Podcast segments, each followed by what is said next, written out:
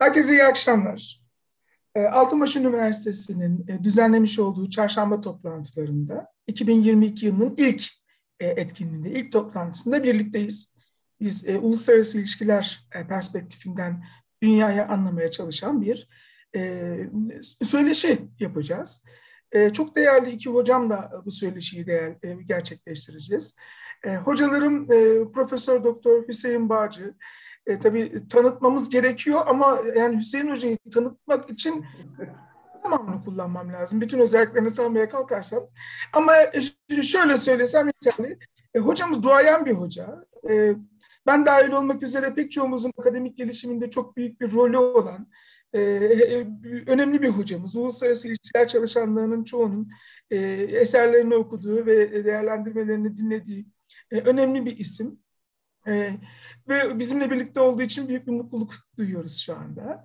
E, diğer hocamız Tarık Oğuzlu hocamız. E, Tarık Oğuzlu hocam e, daha çok popüler bir hoca. Benim de çok eski bir arkadaşım aynı zamanda. Gerçekten Tarık Hoca dediğimiz zaman hani küresel gelişmeler, Doğu ve Batı'yı e, sentezleyebilen önemli değerlendirmeler açısından ülkemizin sayılı isimlerinden. Bugün o nedenle 2021'de neler oldu ve 2022'de neler olabilir? Üç ana eksende tartışmaya, keyifli bir biçimde söyleşmeye çalışacağız. Ee, önce küresel anlamda 2021'de neler oldu onu bize Tarık Hocam e, özetleyecek. Daha sonra e, bu gelişmeleri e, özellikle Batı perspektifinden, Batı'da neler olduğu perspektifinden Hüseyin Hocam değerlendirecek. E, ben de e, 2021'de e, Orta Doğu'da neler olduğunu e, anlatmaya çalışacağım. Sonra e, birinci turumuzu bitirdikten sonra 2022'de neler olabilir? E, uluslararası ilişkiler perspektifinden bir analiz yapmaya çalışacağız. Yoksa fal açmayacağız. Böyle e, beklenti deyince insanlar nereden biliyorsunuz falan diyor bazen ama yok hayır. Biz uluslararası ilişkiler perspektifinden 2022'de neler olabileceğini anlamaya çalışacağız. E, ben daha fazla sözü uzatmadan e, sözü e, Profesör Doktor Tarık Oğuzlu'ya bırakıyorum. Hocam söz sizde. Evet. Dinliyoruz.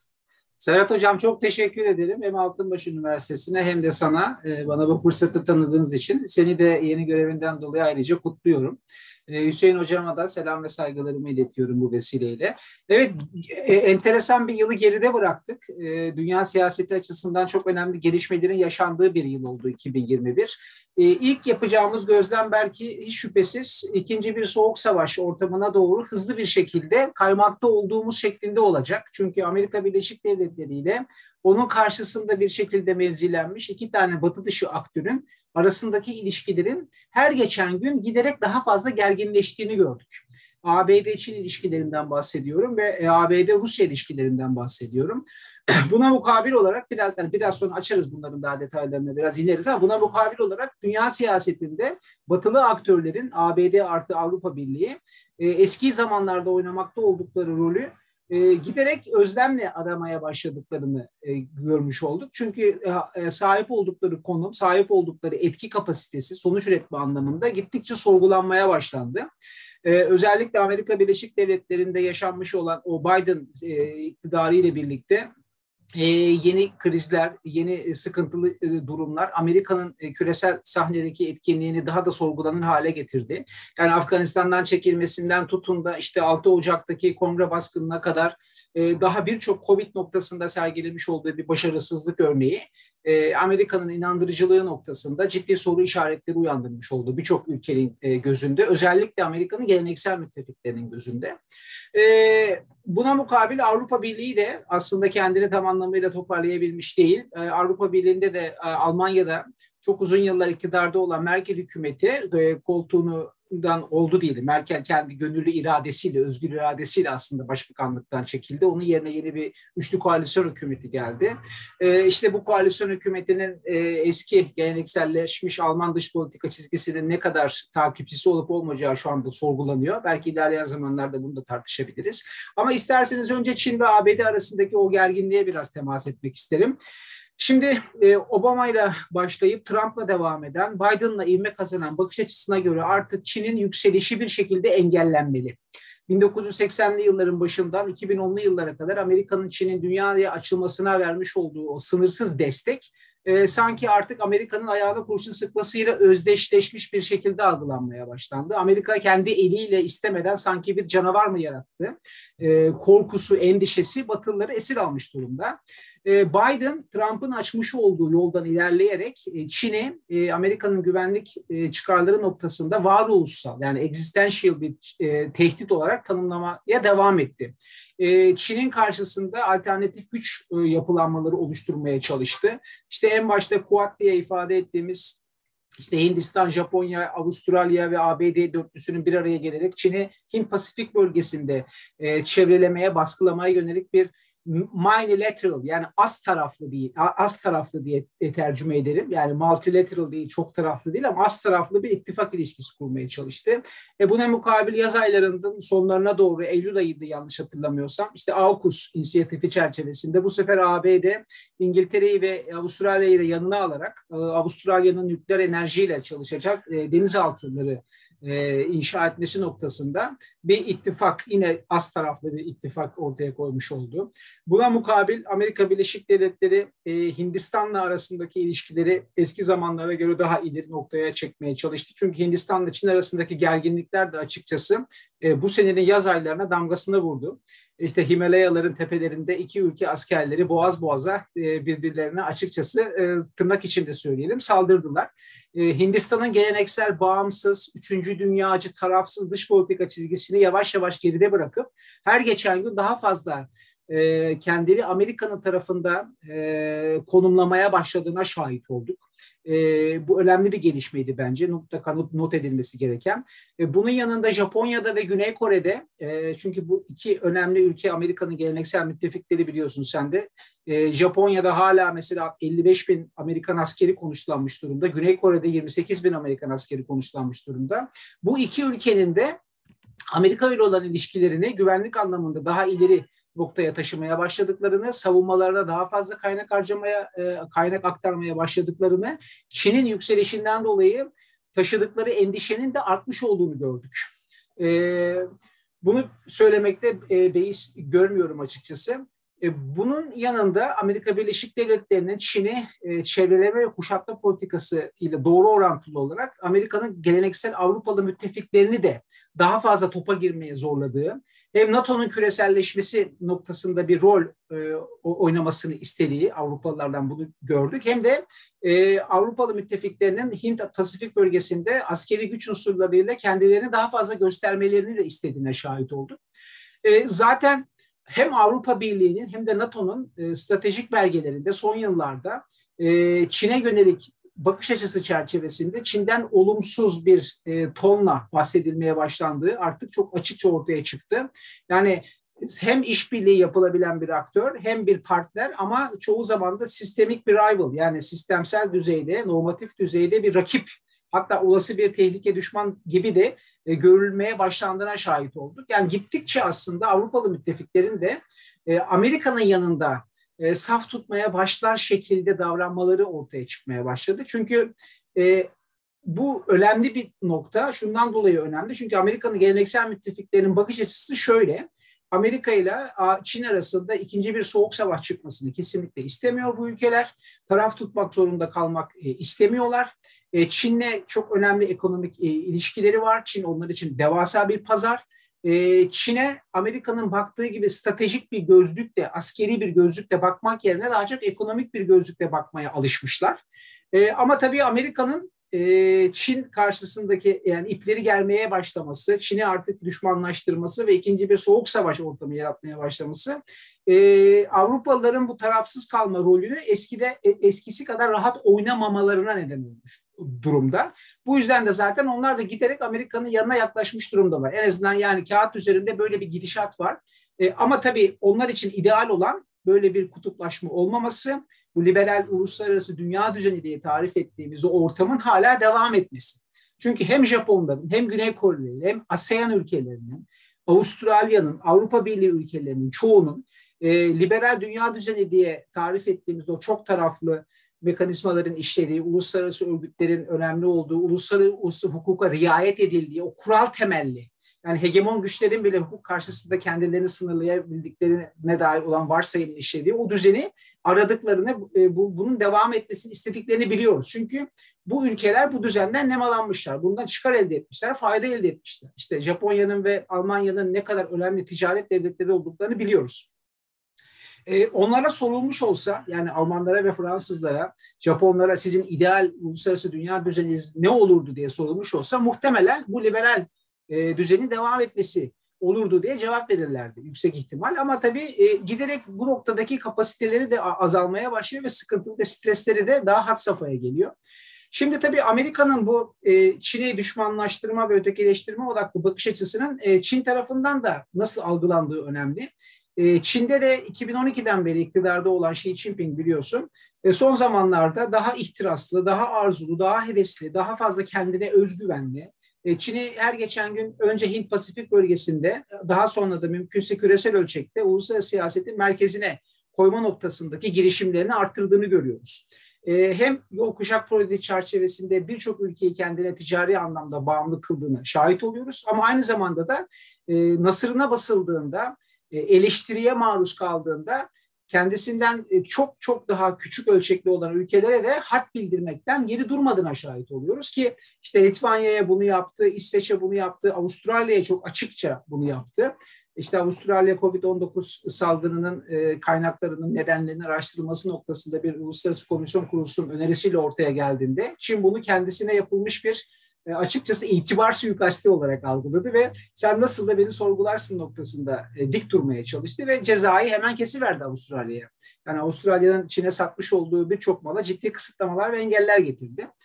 E, başka bir küresel gelişme Çin açısından önem arz eden Çin'e yönelik algının giderek bu kadar böyle konuşursan işte böyle keserler. giderek olumsuz noktaya vardığıydı.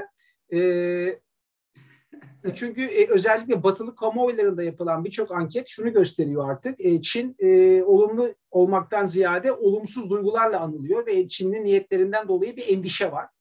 Okey, bunu bir anda bırakalım. Hüseyin Hocam'ın da telkinleri doğrultusunda iki kelam da şey konusunda edeyim. Rusya ile ilişkiler konusunda edeyim. Rusya-Amerika arasındaki ilişkiler de son derece gerginleşmeye başladı. Her ne kadar Putin e, hem yaz aylarında hem de sonbahar aylarında Biden'la diplomasi trafiğini gerçekleştirmiş olsa da e, Rusya ile Amerika arasındaki ilişkiler en son Ukrayna krizi çerçevesinde e, sıcak bir çatışma ihtimalini de içerecek şekilde gerginleşmeye başladı. Rusya kendisini tabii göstermek istiyor. Batı'nın hakimiyetini, meşruiyetini kabul etmiyor. Yeni bir dünya düzeni istiyor. Avrupa'daki güvenlik mimarisinin yeniden tanımlanması gerektiğini söylüyor. Bu konuda dik durmaya çalışıyor ve Ukrayna gibi ülkelerin kendisinden ayrı ve bağımsız olarak e, stratejik anlamda otonom hareket etmemeleri gerektiğine inanıyor. Kendisinin bir nüfus bölgesi olması gerektiğine ve bu bölgenin de en başta işte e, Moldova, Beyaz Rusya, işte Gürcistan, Ukrayna gibi bölgelerle sınırlı olmasını istiyor. Batı'dan güvenlik garantileri istiyor NATO'nun genişlememesi doğrultusunda. Tabii Amerika'nın ve Avrupa Birliği ülkelerinin e, bu konudaki e, itirazları artık söylemeye gerek yok. Yani Rusya ve Amerika arasındaki ilişkiler de gerginleşmeye başladı. 2022'de yüksek ihtimal yani sıcak bir çatışmaya dönüşmez deriz. Evet isteriz. Diplomasi e, galip gelecektir. Aklı selim galip gelecektir. Çünkü ne Rusya'nın ne de Amerika'nın bundan kazanacağı bir şey yok aslında. Sonuçta kayıp olacak böyle bir şey. Hatta Allah muhafaza nükleer bir savaşa doğru evrilebilir de. Kimse şu anı garanti edemez. Ama yine de ben diyorum ki e, Putin e, statü arayışını, itibar arayışını ve saygı arayışını çok fazla ön plana çıkardı. Bunu bir ekonomik rasyoneliteyle, e, stratejik bir rasyoneliteyle yapmak yerine kimliksel, ideolojik bir bakış açısıyla sanki yapıyormuş gibi hissediyorum ben. Bu da onu hata yapmaya zorlayabilir. Yani Ukrayna'ya yönelik bir silahlı harekete e, girişmiş olsa tabii Batı e, armut toplamayacak. Onlar da bir karşılık verecek. Belki ekonomik yaptırımlarla önce işin içine dalacaklar. Bu şekilde e, geri çektirmeye çalışacaklar ama e, şeye de sebebiyet verebilir. Askeri bir çatışmaya da sebebiyet. Çünkü Ukrayna kaşıyor olayı. Ukrayna da aslında rahat durmuyor. Yani nasıl anlatsam bilemedim şimdi. Yani kendisinden beklenen uslu çocuk rolünü oynamıyor Ukrayna yani. Beni NATO'ya alacaksın da alacaksın noktasında bir diren direnmesi var Ukrayna'nın. E bakalım yaşayıp göreceğiz. Çok uzatmayayım e, Serhat'cığım 15 dakika konuşmuşum. Teşekkür ederim. E, Hüseyin Hocam top sizde. Ee, çok teşekkür ediyorum. Ben de e, bir 15-20 dakika e, konuşayım. Önce e, Altınbaş Üniversitesi'ni e, tebrik ediyorum. Serhat Erkmen gibi bir e, uzmanı kadrolarına kattıkları için gerçekten Türkiye'nin e, Orta Doğu konusunda, Irak ve Suriye konusunda bana göre e, bir elin beş parmağın, bir elin sayısından daha az sayıdaki kişilerden biri. O nedenle e, hayırlı olsun. E, özellikle e, Serhat Hocam'a söylüyorum. Tabii e, Serhat e, hocamızı oraya alan Profesör Çağrı Erhan'a da özellikle buradan e, ben de e, bir teşekkür ve tebrik göndermek istiyorum. Çok doğru bir e, tercih yapmış. Yani futbol takımı olsaydı yani yılın e, transferi e, olarak tanımlanırdı. Akademik anlamda da bence çok önemli. O nedenle Altınbaş Üniversitesi'nin öğrencilerinin de çok e, şanslı olduğunu düşünüyorum. E, Serhat e, hocamızı bundan sonra dinleyecek olmak ve ondan ders alacak olmakla. Tarık hocamız her zamanki gibi gayet güzel anlattı, olayı ortaya, resmi ortaya koydu. Şimdi bunun üzerine biz neler diyebiliriz? Biraz sonra Serhat Hoca da konuşacak. Sonra üzerine tekrar e, tartışacağız, konuşacağız. İki şeye e, ben özellikle dikkat çekmek istiyorum. Şimdi Tarık hocamız e, e, özellikle e, attığı makaleleri ben de sürekli takip ediyorum. Yani gerçekten büyük bir servis e, yapıyor akademik anlamda. Ama entelektüel anlamda da e, değerlendirmeleri küresel politikalar açısından bize çok yön gösterici oluyor. E, onun e, yorumları e, özellikle Çin başta olmak üzere e, transatlantik ilişkileri az evvel de hem Rusya'yı hem Amerika'yı anlattı. Çok önemli bana göre veri niteliğinde açıklamalarda e, bulundu. O nedenle e, onun bu konuşmasının üzerine ben biraz Batı olarak Avrupa'yı daha çok yani İngiltere'den başlayıp e, Rusya'ya kadar olan o coğrafyayı e, daha dar dar bir çerçevede e, anlatmaya e, çalışacağım. Zaten bu bir sohbet, bu bir entelektüel e, e, karşılaşma, entelektüel bir bakış açısı sunma platformu. Şimdi Trump, e, Amerika Birleşik Devletleri'nin Rusya'yı e, son dönemlerde Ukrayna'nın da o yaramaz çocukluğuyla birlikte tıpkı annesinin eteğine e, yapıcı bana bu hediyeyi al, bana bu oyuncağı al diyen e, çocuk gibi beni NATO'ya al diyor. Diyor ama diğer taraftan da e, bir başka ülke var ki hayır almayacaksın diyor. Alırsan çok kayıp olur. O çocuk bu oyuncağı bozar diyor. Kim diyor bunu? Almanya. 2008 yılında Almanya e, hem Gürcistan'a hem de e, Ukrayna'ya e, NATO'nun sunduğu yol haritası e, programını reddeden ülkedir. Angela Merkel ile Putin arasında yapılan görüşmelerden de ortaya çıktığı üzere Almanya sürekli olarak Ukrayna'yı desteklemiş olmasına rağmen bir e, NATO üyeliğine giden yol haritasını kabul ettirmedi. İlginç bir şekilde Türkiye evet demişti. O zamanlar İtalya Başbakanı Berlusconi'ydi. Türkiye ve İtalya evet dedi. Ama e, özellikle e, 2008 yılında bir şeyi unutmayalım tabii. Yani bu o, harita e, önerildiğinde e, Mart-Nisan aylarıydı. Ama e, 2008'in Ağustos'unda da Gürcistan'da bildiğiniz gibi e, Rusya'nın müdahalesi oldu. Sarkaşvili ülkeden e, kaçmak e, zorunda kaldı ve Rusya e, tekrar e, eski gücünü kaybetmek istemediğini göstermek istedi. Gerek Nicolas Sarkozy, Fransa'nın e, devlet başkanı o dönemde, gerekse Polonya'nın devlet başkanı, Kaczynski e, kardeşlerden büyük olan, hemen e, Gürcistan'a gittiler ve destek açıklamaları yaptılar. Napolyon, daha doğrusu Putin'in Little Napolyon e, olarak tanımladığı Nicolas Sarkozy, o dönemden sonra e, bildiğiniz gibi Rusya ile e, e, Fransa arasındaki e, gerginlikte önemli bir rol oynadı. Şimdi e, iki şeye çok e, dikkatli yaklaşmak lazım. E, bir tanesi transatlantik ilişkiler e, eskisi gibi sağlıklı mı sorusu.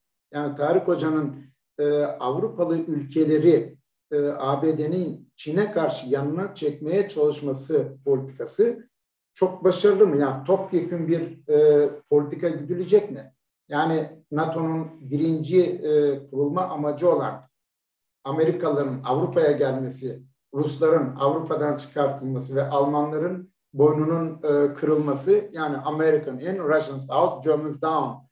Lord İsmail'in meşhur e, sözünde olduğu gibi veya birimiz hepimiz hepimiz birimiz için e, şeklinde de ifade edilecek o NATO birlikteliğinin e, bu son dönemlerde Çin ile olan ilişkilerde pek fazla yürümediğini görüyoruz ve önümüzdeki dönemde de ilginç bir gelişmeye sahne olabilir. Şimdi Rusya özellikle Putin'le birlikte kimliğine ve o tarihsel sorumluluğuna tekrar dönme çabası içinde. Yani Putin'in Angela Stant'in The Putin's World, Putin'in Dünyası isimli kitabında da söylediği gibi e, Putin'in politikaları e, kaybedilen Sovyetler Birliği'nin belki coğrafi olarak aynı e, coğrafyada bir hüküm sürmesi söz konusu olmayabilir ama o kaybettiği etkiyi tekrar kazanma konusunda çok önemli adımlar attığını ve atmaya devam edeceğini görüyoruz. Yani bu coğrafyada Rusya'nın nerede diyor olmayabilir ama Rusya'nın karşı çıktığı bir şeyin de olması söz konusu değildir. Tıpkı Avrupa Birliği içerisinde Almanya'nın her dediğinin e, yapılmayacağı e, düşünülür ama Almanya'nın da istemediği bir şeyin gerçekleşmesi söz konusu değildir. Şimdi Avrupa Birliği e, olarak e, olaya da yaklaştığımızda şöyle bir görüntü var. Henry Kissinger'ın daimi güç merkezleri olarak tanımladığı Amerika Birleşik Devletleri, Avrupa Birliği ve Rusya. Yani bu e, Kuzey Yarım Küre'deki e, önemli güç merkezleri. Buna şimdi Çin eklendi. E, Çin'i e, Tarık Hoca anlattığı için ben ona girmeyeceğim. Ama son dönemlerde önemli e, Avrupa içerisinde gelişmeler yaşanıyor. Avrupa'nın sorunları Avrupa Birliği'nin çözemeyeceği boyutlara ulaşmaya başladı. Bunu Covid ile birlikte e, gördük. Mesela Alman e, profesör ve diplomat Hans Dietrich Heumann'ın Die Strategische Diplomatie İngilizcesi The e, Strategic Diplomacy veya da Türkçesi e, Stratejik Diplomasi isimli kitabında söylediği gibi e, multilateralizm yani çok yönlülük Avrupa Birliği'nin takip ettiği bir politik ama ulus devletler tekrar güçlenmeye başladı ve Trump dönemini Trump dönemini unutmayalım. Trump Amerika First politikası aslında ve NATO'ya yönelik olarak politikalarında da biz size artık e, desteklemek istemiyoruz, o kadar para vermi, vermek istemiyoruz. Siz gayri safi milli hasılarınızda yüzde ikilik bir artırma gideceksiniz şeklindeki yaklaşımıyla ve de buna tabii e, özellikle e, Başkan Macron'un e, ilginç bir şekilde Çin'de söylediği NATO artık beyin ölümü gerçekleşen bir organizasyondur e, cümlesiyle bütün tartışmalar ayrı bir boyuta dönüşmeye başladı. Yani biz e, e, Türkiye olarak Avrupa'nın içindeki gerginlikleri, sorunları bundan sonra daha iyi, e, daha derinlemesine tartışmak zorundayız. Bu ne anlama geliyor? İngiltere'nin e, Avrupa Birliği'nden ayrılması ki 67 milyar avroluk bir e, boşanmadır bu. Çok büyük bir para ama İngilizler çok önemli bir tarihsel karar verdiler. Avrupa'nın bu da İngiliz öngörüsü bana göre. Avrupa'nın özellikle Orta ve Doğu Avrupa'da ve Balkanlarda son dönemlerde tekrar kaynamaya başlayan işte Beyaz Rusya ile Polonya arasındaki göçmen krizi, Ukrayna ile Rusya arasındaki sorunlar veyahut da şimdi Balkanlarda e, Sırpların Bosna Hersek'te tekrar e, bütün e, o, barış ortamını bozmaya yönelik açıklamaları gibi e, Avrupa Birliği'nin ağırlık noktasının tekrar Orta ve Doğu Avrupa'ya döneceği bir sürece doğru gidiyor. Peki kim düzeltecek bunları ve Avrupa Birliği'nin kurum ve kuruluşları bunu ne derece karşılayabilecek nitelikte? Bu çok önemli bir sorun. Angela Merkel'ın ayrılması tabii ki çok önemli bir gelişmeydi. 16 yıllık bir başbakanlıktan sonra yeni başbakan Almanya'nın Olaf Scholz e, şüphesiz e, e Angela Merkel'in politikalarından koalisyon hükümetinde birlikteydiler son dört yılda şüphesiz özellikle sosyal demokratların politikası da Angela Merkel'in politikaların bir devamı olma niteliği taşıyacak mı sorusunu beraberinde getirdi. Her ne kadar Yeşillerin dış politikadan sorumlu bakanları yani e, Angela Baerbock'ın e, şimdi e, öyle feminist politikalar, Çin'e karşı sert açıklamalar yapmış olsa da sonuçta Olaf Scholz'un dün de Alman gazetelerinde yayınlandığı üzere Rusya ile ABD arasında bir ara bulucu olma durumu söz konusu. Yani bu Henry Kissinger'ın meşhur denge politikası var ya 18-19. yüzyılda e, Avrupa'da. Yani balance of power politikasını acaba Almanya yapabilecek mi? Yani her iki tarafa hangi mesafede uzak, e, hangi mesafede yakın bu önümüzdeki dönemde yine Alman hükümetinin e, tabii ortaya koyacağı e, tavırlarla ve politikalarla göreceğiz. Angela Merkel dönemini şimdi daha rahat biliyoruz. Yani hatalarıyla, e, e, günahlarıyla, sevaplarıyla üzerinde çok e, tartışılmaya ve yazılmaya başlandı. Ama bizim açımızdan e, tabii bakıldığında İngiltere'nin e, Avrupa Birliği'nden ayrılması Avrupa Birliği'nin ekonomik olarak yüzde 35 zayıflaması demektir. Bu ne anlama geliyor? Fransa ve e, Almanya'nın yeni üye olacak ülkelere daha fazla para ayırmaları e, demek olacak. Margaret Thatcher'ın o meşhur e, 80'li yıllarda I want to my money back e, kelimesini, cümlesini herkes hatırlar. İngilizler çok fazla para veriyoruz ama e, yeterince alamıyoruz diyerek tepki e, koymuşlar. Şimdi İngiltere'nin e, çıkışıyla birlikte Avrupa Birliği'nin içinde e, tabii ki çok büyük bir boşluk açıldı. Yani bir stratejik boşluk açıldı. O nedenle son dönemlerde Avrupa Birliği'nin stratejik otonomi e, tartışmalarının temeli işte bu boşluğu doldurmaya yönelik. Doldurabilir mi? Soru işareti. İngiltere'nin e, tabii ki e, Tarık Hoca da ona değindi. E, şeyle Kanada'yla, Amerika'yla, Avustralya'yla birlikte e, bu AUKUS e, anlaşmasını imzalaması tabii çok önemli bir gelişmeye de işaret ediyor. Ne demişti e, İngiltere Başbakanı? We all speak the same language. Yani hepimiz aynı dili konuşuyoruz demişti. Yani Avrupa'da aynı dili konuşmuyorlar.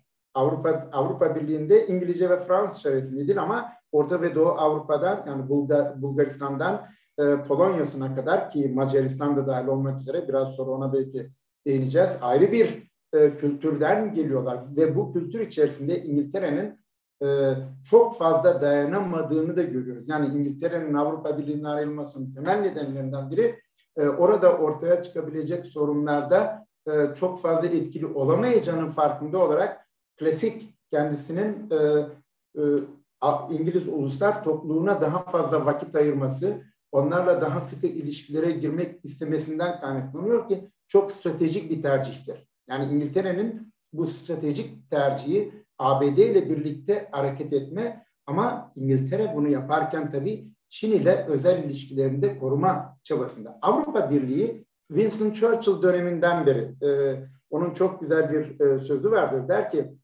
e, bizim taraftan bakıldığında Channel yani şey kanalı e, şu anda göçmenlerin Fransa'dan e, İngiltere'ye geçmeye çalıştığı kanal diyor ki e, bakıyorum orada sis var diyor. There is a smoke. Yani e, göremiyorum diyor Avrupa'yı. Biz Avrupalı değiliz diyor. Niye? Çünkü e, hakikaten Avrupa'dan bakıldığında ve e, kanalı sis kapladığında göremiyorsunuz karşı tarafı. Dover'dan e, şeyle gemiyle İngiltere'ye gidenler bunu çok iyi bilirler. Ha, açık havada yazın giderseniz ve hava açıksa e, farklı bir görüntü var ama kışın giderseniz e, problem. Bu e, Winston Churchill'ın İkinci Dünya Savaşı sonrasında demir perde kavramında da görülür. Yani e, there is a smoke screen der. Yani onun bunun arkasında ne olduğunu bilmiyor. Sovyetlerin neler yaptığını, neler ettiğini bilmiyorlar. Şimdi burada e, bana göre e, konu Batı olunca bence e, en azından bana düşen payı bu akşam Avrupa Birliği'nin önümüzdeki dönemde bu Batı e, klasik anlamda siyasi değerleriyle, e, politikalarıyla, ekonomik zenginliğiyle ne derece bir uluslararası aktör olmaya devam edeceği sorusu var. Yani ABD ile rekabet edebilir mi? Edemez. Çin ile rekabet edebilir mi? Edemez. Çünkü e, düşünsenize Çin'deki sadece e, savaş gemisi sayısı 2036 yılında Amerika'yı geçecek. Fransa'nın e, birkaç tane e, savaş gemisi var ama İngilizler yok artık. Ve İngiltere, e, Almanya nükleer güç değil. Sadece Fransa kaldı nükleer güç olarak. Avrupa Birliği'nin içerisinde önceden iki nükleer güç vardı. Birleş, e, e, Birleşmiş Milletler Güvenlik Konseyi'nin iki üyesi e, oradaydı. Şimdi İngiltere yok. İngiltere nükleer güç hem Birleşmiş Milletler'in daimi üyesi. O nedenle e, İngiltere'nin çekilmesi ki bu son dönemlerde Avrupa'da başta İngiltere ve Almanya'da yapılan tartışmalarda yani Timothy Gartenlash'tan e, başlayabilirsiniz. E, Stolzenmüller'e kadar e, gidebilirsiniz. Orada e, bütün bu tartışmalarda acaba İngiltere'nin e, çıkışıyla ortaya çıkan bu finansal boşluğu nasıl doldurabiliriz? Güvenliğimizi tamam NATO içerisinde sağlıyoruz ama Avrupa güvenliği ayrı bir olay. Neden? Çünkü e, son dönemlerde işte Rusya'nın e, özellikle Beyaz Rusya'ya verdiği destek. Yani Lukashenko evet e, Avrupa'nın e, diktatörlerinden olarak tanımlanıyor. Bir ara biliyorsunuz e, Beyaz Rusya'da e, bayağı bir e, gösteriler falan oldu ama bütün o Beyaz Rus e, muhalefeti şimdi ya Litvanya'da ya Almanya'da ya da başka yerlerde ve başarılı olamadı. Şimdi Beyaz Rusya e, tarihsel e, olarak hep e, Rusya ile birlikte hareket etti. Rusya'nın bir arka bahçesi. Şimdi arka bahçesinde başkasının e, çiçeklerini diktirmek istemiyor Rusya. Ve e, ben Ankara'daki Beyaz Rus Büyükelçisi'ne demiştim ki ya sen niye Beyaz Rus diyorlar? O da sizde de beyaz Türkler var demişti. Hani cevap olarak. Ve tarihsel olarak da Moğolların ulaşamadığı nokta olarak değerlendiriyorlar. Yani Moğolların gelemediği yer anlamında. Yani Slav ırkının e, rahatlıkla korunabildiği bir alan olarak. Şimdi e, biz tabii Orta ve Doğu Avrupa'yı ve Balkanları e, önümüzdeki dönemde problemli e, ülkeler olarak e, göreceğiz. Yani kaçınılmaz olarak e, Avrupa Birliği'nin genişleme sürecinde bir yavaşlama olacak. E, Almanya'nın politikaları işte bu noktada çok önemli. Macron seçilirse tekrar Fransa'nın nasıl bir ta, e, politika takip edeceğini göreceğiz. Seçilemezse e, Fransa'da farklı bir e, politika değişikliği olabilir mi onu şimdiden öngörmek e, zor. Ama şunu biliyoruz. Özellikle Baltık ülkelerinin son dönemlerde gittikçe daha fazla artan bir şekilde Rusya'yı tehdit olarak gördükleri ve NATO üyeleri olarak tabii Amerika'yı e, buraya daha fazla çekmeye çalışmaları ve Ukrayna üzerinden güvenliğini sağlamaya çalıştıklarını görüyoruz. Ama iki ülke var değerli dinleyenler. Son dönemlerde bu iki ülke İsveç ve Finlandiya'dan söz ediyorum. Bunlar genelde bağlantısız ülkelerdir, tarafsız ülkelerdir ve NATO'ya üye değillerdir. Yani Avrupa Birliği'nin üyesidirler ama güvenlik yapısı içerisinde değildirler. Şimdi bu iki ülkenin e, iç politikalarında yapılan tartışmalarda acaba NATO'ya üye olsak mı tartışmaları başlar ve başladı. Üçüncü ülke Avusturya'dır e, tarafsız ülke olarak Avrupa Birliği üyesi olan. E, 1995 yılında bu üç ülke e, Avrupa Birliği'ne katıldıklarında The New Rich Kids of the European Union demişlerdi. Yani Avrupa Birliği'nin yeni zengin çocukları demişti. Hakikaten üçü. Norveçliler NATO üyesidir ama Avrupa Birliği üyesi değildir. Norveçlerde de böyle bir takıntı var. Bir kelimeye takmışlar. O da union, birlik. Yani union değil de işte e, Kanarya Sevenler Derneği olsa girecekler. ama o tarihsel e, şey içerisinde özellikle İsveçlerle ve e, Finlandiyalılarla yaptıkları o geçen yüzyıllardaki savaşların etkisiyle 1905'ten beri birlik kavramına karşılar. Ama Norveç tabii ki bir Avrupa ülkesidir. Yılda 10 milyar avrodan fazla parayı Avrupa Birliği'ne katkı e, olarak sunar. Ve bizim açımızdan tabii bu Baltık ülkelerinin ötesinde Kuzey Avrupa ülkeleri olarak tanımladığımız Danimarka, e, Norveç, Finlandiya ve İsveç'in bir başka alanda e, özellikle bir yapılanmaları var biliyorsunuz. Nordik e, kuzey ülkeleri yapılanması var. Bir de şimdi Arktik ülkeleri var. Yani yukarıda e, Antarktika'daki e, kuzeyden e, geçen o e, su yollarının deniz özellikle iklimin tabii son dönemlerdeki değişimiyle yeni bir kanal açıldı. Yani Çinler buna e, Polar Silk Road diyorlar. Yani e, kutup e, e, İpek yolu diyorlar. Niye? Çünkü e, oradan e, ticaret yollarını daha e, kolaylaştırıyorlar ve bütün şeylerin Süveyş kanalından geçmesine de gerek yok. Biliyorsunuz geçenlerde e, Serhat Hocam anlatır. E, yani Süveyş'te bir gemi takıldı e, günlerce değil mi? Onu tekrar harekete geçirmek için uğraştılar, sigorta firmaları o kadar para verler vesaire vesaire. Ama şimdi şöyle bir şey var. Rusya tabii ki bir Avrupa ülkesi. Önce ben bunun altını çizeyim. Yani Rusya'yı bir batı ülkesi olarak görmek gerekiyor. Bu 1856 Paris e, konferansından beri süre gelen bir süreçtir. Rusya bir batı ülkesidir ama doğuda etkisi vardır. Yani Avrasya ülkesidir. Hem doğuda hem batıda hareket edebilen bir ülke. O nedenle e, Henry Kissinger'dan yine bir alıntı yapacağım. E, Vancouver'dan Vladikavkaz'a kadar olan e, Agit e, ülkeleri. 58 ülke vardı, Moğolistan dahil e, üyedir. E, tabii Vancouver'dan Vladivostok'a eğer e, Avrupa üzerinden değil de Pasifik Okyanusu üzerinden giderseniz hiçbir sorun yok. Sadece okyanus var. Çünkü Vladivostok e, e, Rusya'nın en e, doğusundaki yer. Vancouver'de e, batının en batısındaki yer.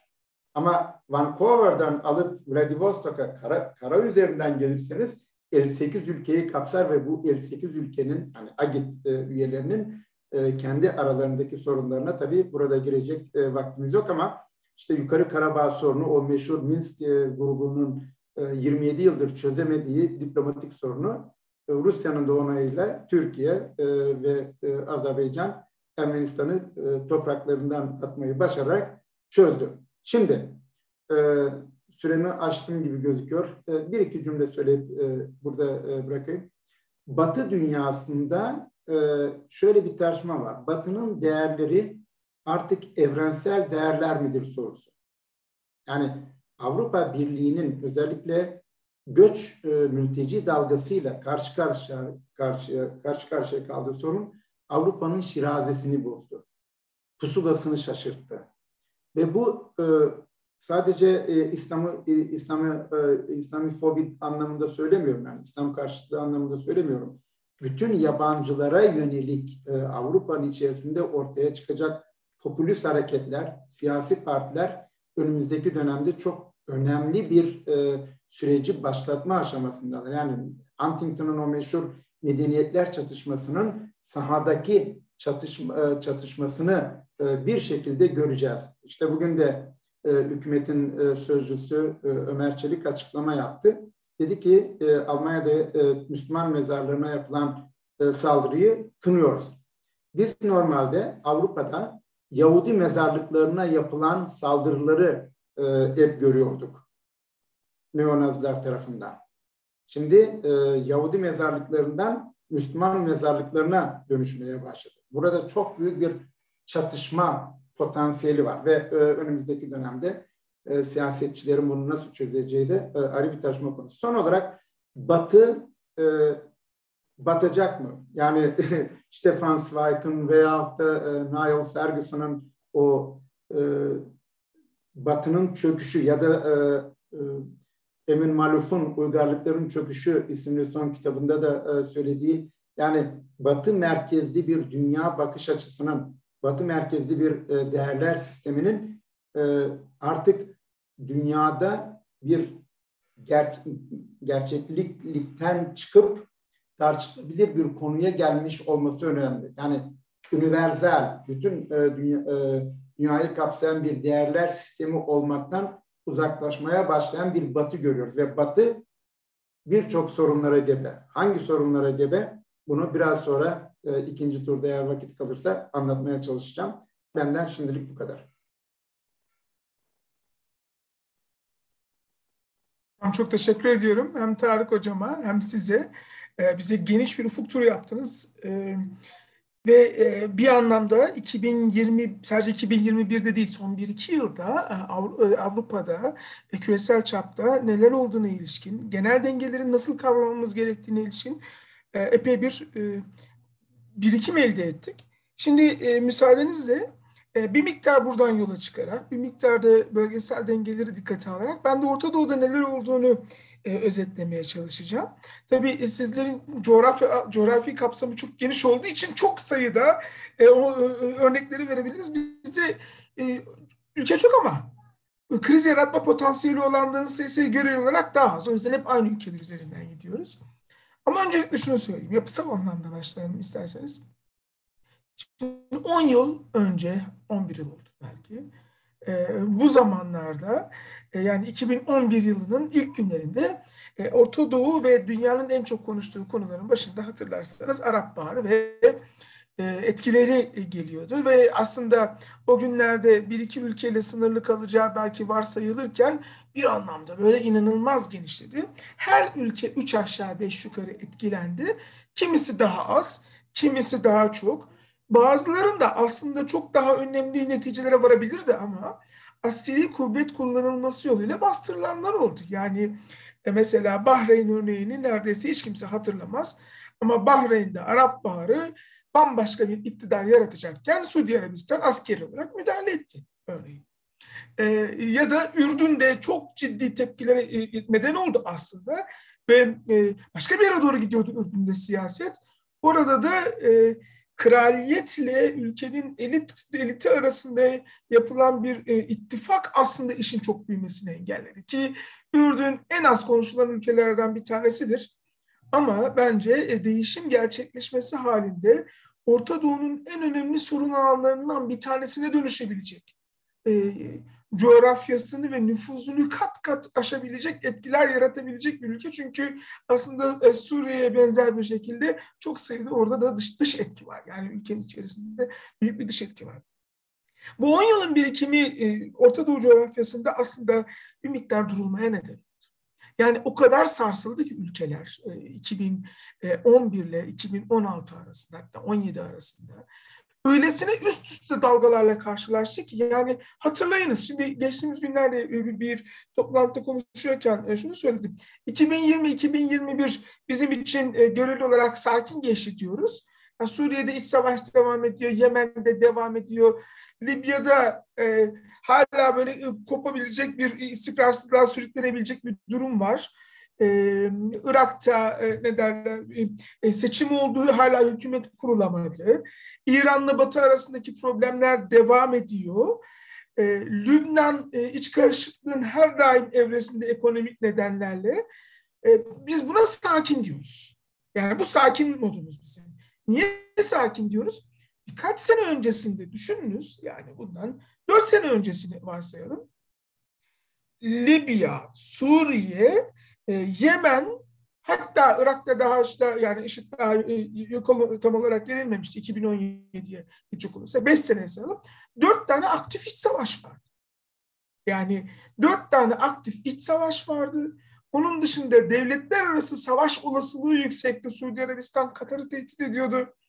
Ee, e, e, İran'la Körfez ülkeleri arasındaki gerginlik, savaş çıkarma potansiyeli yani çok taraflı e, devletler arası savaş potansiyeli vardı. E, ve e, şey e, Arap Baharı'nın bir şekilde iktidarı değiştirdiği bazı ülkelerde içten içe kaynama çok yoğun. Şimdi oradan gelip de e, bugünkü Orta Doğu'ya baktığınız zaman Aa, çok iyi çok sakin e, diyebiliyor insanlar. Hele 2019-20'de Suriye'deki üst üste savaşları falan düşünecek olursak öyle gibi göründü. Ama ben şunu e, söyleyebilirim. E, yaklaşık bir buçuk yıllık bir sessizlik, iki yıllık kabaca bir sessizlik döneminden sonra muhtemelen bu yıldan itibaren tekrar gerginliğin dozajının yüksek olacağı bir döneme doğru gidiyoruz Orta Doğu'da. Nedenlerimi sıralayayım. Bir kere sizin anlattıklarınız. Hem Tarık Hocam'ın hem sizin anlattıkları. Neden? E çünkü e, genellikle küresel sistemde e, büyük çaplı gerginlikler ortaya çıktığında bunlar konvansiyonel savaşa dönüşemediğinde bir yerden patlak veriyor. Geçmişte Doğu Avrupa ya da Balkanlarda yani ana karada ana e, hayli gelişmiş bölgelerine yakın coğrafyalarda çatışma çıktığında bunun sonuçlarının ne kadar yıkıcı olabileceği ekonomik anlamda özellikle ne kadar e, çarpıcı olacağının birçok örneğini yaşadık biz. E, dolayısıyla bunun neticeleri genellikle Orta Doğu gibi daha çeper alanlardan çıkıyor. Ya Afrika'da e, ya e, Latin Amerika'da. Şimdi oraları görülüyor. Afrika'da evet çatışma süreklilik kazandığı için ortaya çıkacak yeni bir çatışma e, herkes ayağa kaldıracak niteliğe götürmüyor. Güneydoğu Asya galiba nükleer yayılma nedeniyle fazlasıyla tehlikeli. Bir de o faktör var. Yani Çin var, Pakistan var, Hindistan var. Yani o fazlasıyla nükleerleşmiş bir alan. E tabii nükleerleşmenin fazlası azı olur mu gayrı mesele ama nükleerleşmiş bir alan. E, Latin Amerika uzun süredir iç devletler arası çatışmalardan ziyade iç karışıklıklarla yoruluyor genellikle. E, çok yayılma etkisi göstermiyor. Fakat küresel anlamda çatışma ihtimali yükselince e, bu doğrudan Orta Doğu'ya yansımaya başlıyor. Şimdi e, tabii bu, bu şekilde bir birebir eşleştirme yapabilmek mümkün değil ama eğer Batı ve Rusya Ukrayna'da karşı karşıya gelmezlerse gelmesinler tabii. Niye savaş çıksın? Niye çatışma çıksın? Niye konvansiyonel bir tehdit ortaya çıksın? Bunu hiçbirimiz istemeyiz ama e, birbirlerini yıpratma alanı olarak seçtiği bölgelerin başında Orta. Ve e, her ikisinin de birbirini yıpratabilecekleri alanlar var. Yani e, bence Batı'nın Rusya'yı yıpratabilme potansiyeli olduğu alanların başında Orta Doğu ülkeleri geliyor. Suriye bunlardan bir tanesi. Yani son dönemde e, hep Suriye ile Rusya arasındaki ilişkiler Sovyetler Birliği zamanında da e, özeldi ve e, önemliydi. Fakat bugün artık arka bir yani e, belki Baltık ülkeleri kadar etkili olduğu bir ülke neresi diye soracak olursanız herkes neden Suriye'yi gösteriyor öyle değil mi? Askeri anlamda siyasal karar verme mekanizmaları anlamında baktığımız zaman. Irak'ı hiç yaban atmayın. Son birkaç yıldır Rusya'nın Irak'ta elde etmiş olduğu ekonomik kazanımları hiç kimse e, e, çok fazla gündeme getirmiyor ama petrol anlaşmaları e, olarak Amerikalılar hastanın büyük kısmını e, elde edeceklerini düşünürken Çinlilere ve Ruslara kaptırdılar. Yani şimdi işin o e, kısımları e, gayet önemli bence. Dolayısıyla eğer sistematik açıdan baktığımızda e, Orta Doğu'daki alt bölgesel sistem, uluslararası sistemin parçalarından bir tanesi. Ve orada bir takım gerginlik seviyesi yükseldiğinde ve kırılma meydana gelemediğinde, gerginlik bir şekilde kinetik bir enerji atımına dönüşmediğinde karşımıza burada bir çatışma olarak çıkıyor. Ve burada çatışmanın patlak verebileceği yerlerde belli. Yani hani Yemen'deki çatışma daha lokal aktörler arasındaki ilişkiler üzerinden gidiyor. E, Libya öyle değil ama. Yani Libya e, başka bir e, hikaye. Suriye öyle değil örneğin. Yani Suriye e, belki de 21. yüzyılın e, henüz ilk çeyreğini tamamlamadık ama ilk çeyreğinin en geniş katılımlı savaşı oldu. E, yani 19-20. yüzyılda benzerleri var ama 21. yüzyılda bu kadar çok büyük devletin, önemli devletin doğrudan e, çatışmaya dahil olduğu ki e, Çinliler de gelmeye başladılar. Yani geçen senenin sonlarında e, bir takım Çin heyetlerinin e, Suriye'ye yapmış olduğu ziyaretler sadece böyle küçük çaplı istihbari faaliyetler falan değil de e, bu kuşak yol projesinin uzantısı olabilecek bir takım e, hamlelerin e, emarelerini almaya başladık. Onlar da geldiler. Yani hani sadece Ruslar, Amerikalılar, Avrupa ülkeleri filan, Orta Doğu ülkeleri değil, daha da genişledi e, bu, bu alan son zamanlarda. Dolayısıyla e, eğer e, bu birikim bir yerde patlak vermezse burada patlak verme olasılığı kuvvetli. Birincisi o. 2021'in e, sükuneti, 2020'nin sükuneti ki 2020 çok hızlı başlamıştı hatırlarsanız. Kasım Süleymani'yi Amerikalılar Bağdat'ta e, öldürdüler e, ve bu bayağı bir gerdi ortalığı. E, ama gerginlik seviyesi böyle üst düzeye tırmanmadı. Yani bir seviyeye gitti ama dahasını geçmedi orada. Belki de bunun önemli nedenlerinden bir tanesi herkes vekilini bir miktar daha sahaya sürdü. Yani vekiller arası çatışma büyüdü ama vekiller arası çatışma çok lokal düzeyde sonuçlar üretti şu ana kadar 2020 2021'de. E, Lübnan'da da öyle oldu. Suriye'de de öyle oldu. Irak'ta da, Yemen'de de. E, hatta Libya'da da yani potansiyel çatışma alanlarının yoğun olduğu kısımlarda. Şimdi bir önem 2021'in bizim için önemli bir şey mi? 2021'in diğer bir önemli yanı benim izleyebildiğim kadarıyla e, Körfez'de bir değişiklik var. Yani e, 2000'li yıl, 2010'lu yılların o e, sonlarındaki ya da ikinci arasındaki Amerika Birleşik Devletleri'nde hala hazırda kışkırmaya ya da ortaya çıkabilecek e, fırsatları bir an önce değerlendirmeye e, hazır olan e, Trump e, yönetimini e, İran'la e, itiş kakışa sürükleyen Körfez başka bir yere doğru gidiyor. Yani Suudi Arabistan'da, Katar'da, Birleşik Arap Emirlikleri'de e, sanırım e, kaynakların aşırı derecede tükenmesinden dolayı başka bir metot izlemeye başladılar. Nedir bu? Tamam 2010'da ne olduysa oldu. Arap Baharı bazı ülkeleri yıktı geçti. Bazılarını salladı ama yıkmadı. Ee, bir hedefimiz vardı. Kaldı ki yani Mısır'da iktidarın devrilmesinde çok büyük rol oldu bu devletlerin. Herkes biliyor bu işi. Yani e, Muhsin'in devrilip Sisi'nin iş başına gelmesi sürecinde.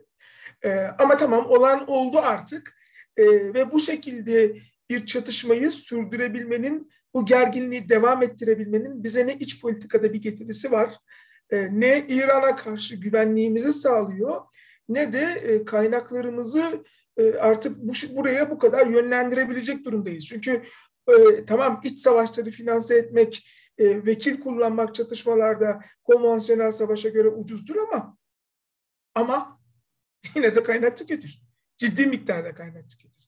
O yüzden 2020-21'de benim gözlemleyebildiğim kadarıyla eski çatışmaları bir tarafa e, kısmen bırak.